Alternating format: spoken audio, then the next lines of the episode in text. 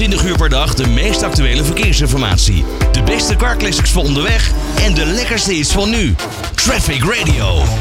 In de afgelopen acht jaar zijn er 10.000 verkeersongelukken geweest op N-wegen. En daarom zullen veel van deze wegen worden aangepakt de komende jaren om ze veiliger te maken.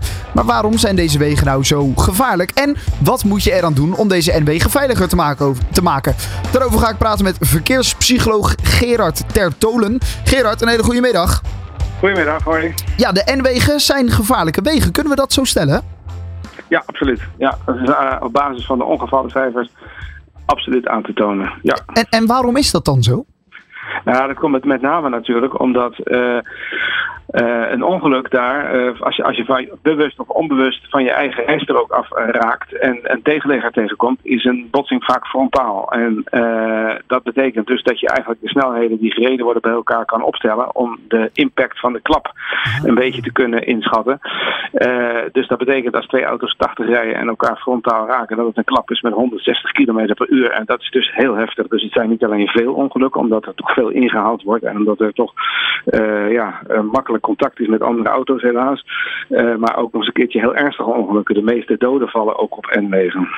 En dat is juist omdat die N-wegen vaak uh, nou ja, één rijstrook hebben. En als je dan dus een ongeluk hebt, dan, dan raak je elkaar frontaal. Wat natuurlijk ja, logischwijs de hardste klap geeft. Ja, exact. Ja, ja, maar deze moeten veiliger gemaakt gaan worden. Dat is in ieder geval uh, nu wat, wat men zegt. Hoe kan je zo'n ja. N-weg dan veiliger maken? Want uh, ja. jij zegt al bijvoorbeeld ja. bij inhalen dat dat, um, uh, dat dat natuurlijk gevaarlijk kan zijn. Dat is natuurlijk ook een manier waarop je nou ja, frontaal op een ander kan klappen. Moet, moeten we dan inhalen op een N-weg volledig gaan verbieden? Nou, weet je, het is natuurlijk zo dat, uh, dat inhalen is een hele belangrijke uh, oorzaak en ook een van de meest heftige ongelukken. Aan de andere kant wordt er ook vaak op N-wegen te hard gereden. Omdat uh, wanneer er geen belemmeringen zijn, dus geen vrachtwagen of langzaam rijdend ander verkeer voor je zit, het heel verleidelijk is voor veel automobilisten om de snelheid flink op te voeren.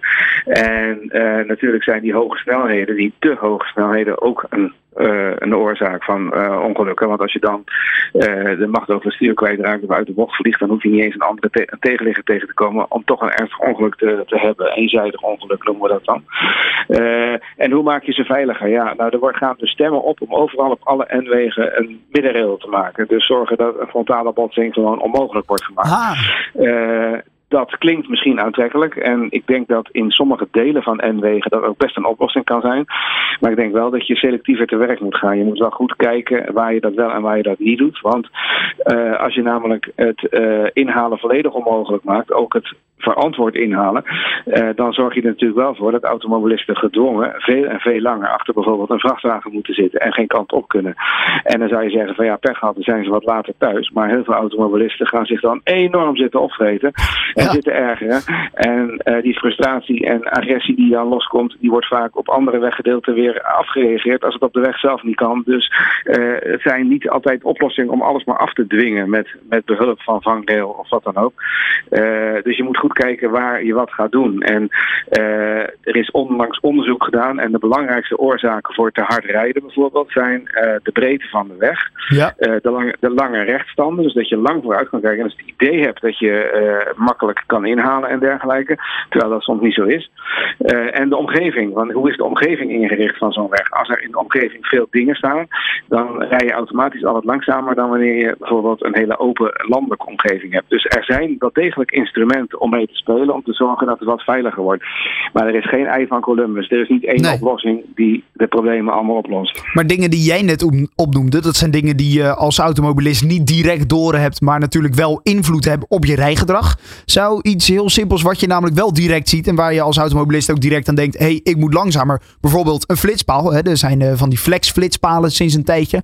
Zou dat een optie zijn? Dan, nou ja, worden natuurlijk, uh, dan denken automobilisten er wel twee keer over na om te hard te rijden, want anders krijgen ze uh, drie weken later een boete op de deurmat. Ja, nou, er zijn natuurlijk heel veel flitspalen in Nederland. En er wordt desalniettemin toch nog flink wat te hard gereden. Uh, kijk, het probleem van flitspalen is natuurlijk dat ze meestal op één vaste plek staan. Als je weet waar ze staan, dan uh, zie je dat automobilisten eventjes inhouden en vervolgens weer gas geven. Ja. Wat dat betreft zijn uh, onverwachte Uh, dus flexibele snelheidscontrole is ook effectiever. Alleen daar heb je dan bijvoorbeeld weer flitsmeister voor om die te waarschuwen waar die staan. En kan je ook op dezelfde manier weer je gedrag eventjes aanpassen en vervolgens weer gas geven.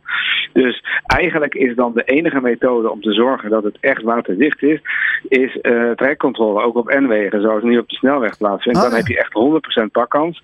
En bovendien laten dan veel automobilisten het inderdaad uit hun hoofd, omdat die kans op een boete dan zo gigantisch groot is. Ja. Maar ja, of je heel Nederland aan een trekcontrole wil onderwerpen, is ook maar de vraag natuurlijk. Nee, dus dan meer die, uh, nou ja, die ongemerkte psychologische veranderingen aan een weg. Die ervoor kunnen zorgen dat mensen toch niet uh, te hard gaan rijden uh, op zo'n N-weg. Want dat heeft ernstige gevolgen. En nou, het zijn de gevaarlijkste wegen van Nederland, kunnen we zeggen. Ja, absoluut. En ja, we moeten vooral roeien met de riemen die we hebben. Het is natuurlijk niet zo, nogmaals, er is niet één oplossing. Nee. Maar ik denk dat, er, en dat is ook mijn werk trouwens, dat er bij heel veel N-wegen echt, echt veel te verbeteren is. En dat is ook heel belangrijk dat we dat op hele korte termijn gaan doorvoeren om het aantal ongelukken naar beneden te brengen. Precies, dat is uh, inderdaad nodig. Ik sprak met uh, Gerard Tertole, verkeerspsycholoog, over uh, de gevaarlijke N-wegen in Nederland. Gerard, dankjewel hè. Graag gedaan. Oké, okay, hoi hoi. Hoi hoi. Waar je ook heen rijdt. Wij gaan met je mee van A naar B. Traffic Radio. Always on the road.